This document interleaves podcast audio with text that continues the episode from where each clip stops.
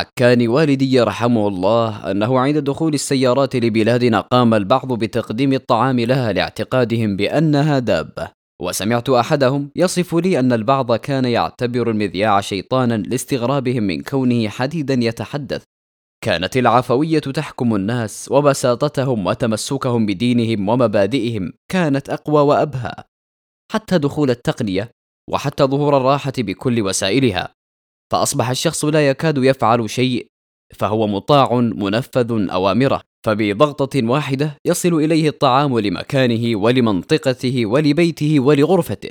فبينما كان آباؤنا ينامون بالسطح لكي يكون الجو مريحا للنوم نحن نخلد براحة في مكيفات باردة وفي أجواء خيالية جذابة ومبهجة. أعتقد بأن هرقل وكسرى والفراعنة والجبابرة وأباطرة التاريخ وأكثرهم غنى لم يحصلوا على متعة كهذه. الآن وقد حلت علينا بركات إبليس أصبحنا نجمع الصلاتين نوما ونتحجج بحديث النائم حتى يستيقظ. أصبح الشخص منا يصلي الصلوات ويجمعها بوضوء واحد وينسى أنه سب وشتم وقذف وشاهد القنوات الفضائية وما فيها. وبعد هذا كله ما زال يتمسك بوضوئه للصلاة. الصائم فينا هائم على الملذات بينما الصوم أصلا هو عبارة عن تقشف وتخفيف الطعام للاستعانة على الذكر والقيام والعبادة. ففريضة الصوم تسمى في الديانات بصفة عامة بالرياضة أو التريض حيث أن الشخص يريح معدته وبدنه من كوامد الطعام وجوامدها إلى راحة جسمانية أصبحت لا تهمنا. فما يهمنا هو تكديس الطعام حتى الشعور بالتخمة. حتى أصبحنا كالدوائر والعجلات نتدحرج على الأرض.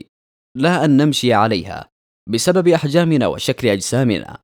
ومما قال لي والدي يرحمه الله أيضا بأن صاحب المحل إذا استفتح بزبون وجاء زبون آخر يرسله لمحل جاره ويقول له أنا استفتحت روح الجاري ما استفتح؟ نجد الآن الطمع والشجع يأكل فينا. ننهش في بعضنا البعض وأول خسائرنا أكبرها هي أخلاقياتنا.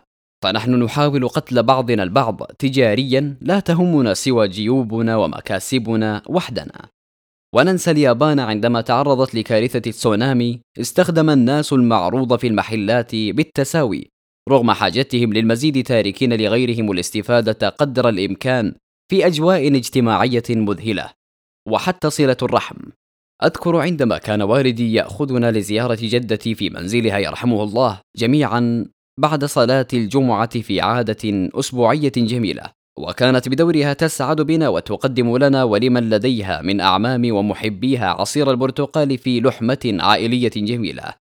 وبالعكس أدخلتنا التقنية في أجواء تباعدية وهمية فبدلا من التواصل العائلي الذي كنا نستمتع فيه بضيافتنا لبعضنا البعض وإدخالنا الفرحة بالحب والتسامح والتآخي بين أفرادنا واستبدلناها بمواقع التواصل. فحتى الاتصال الذي كنا نقوم به لكبارنا من آبائنا وأمهاتنا ومن له حق علينا استبدلنا ذلك برسالة واكتفينا بها. ماذا حدث لنا؟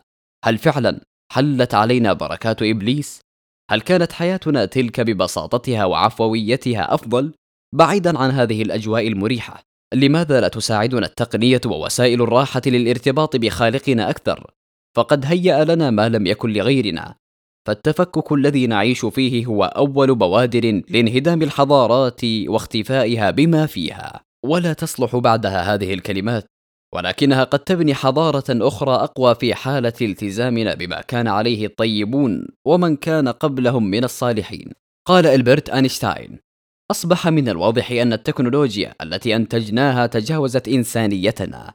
وقال فولر الإنسانية امتلكت كل التكنولوجيا المناسبة لجميع الأهداف الخاطئة، أما إسحاق أسيموف فقد لخص وضع المجتمع بكلمات جميلة حين قال: أكثر الأمور المحزنة في جوانب الحياة في الوقت الراهن هو أن العلم يتقدم بخطى أسرع مما يحصل المجتمع الحكمة، وأولا قبل أخيرا.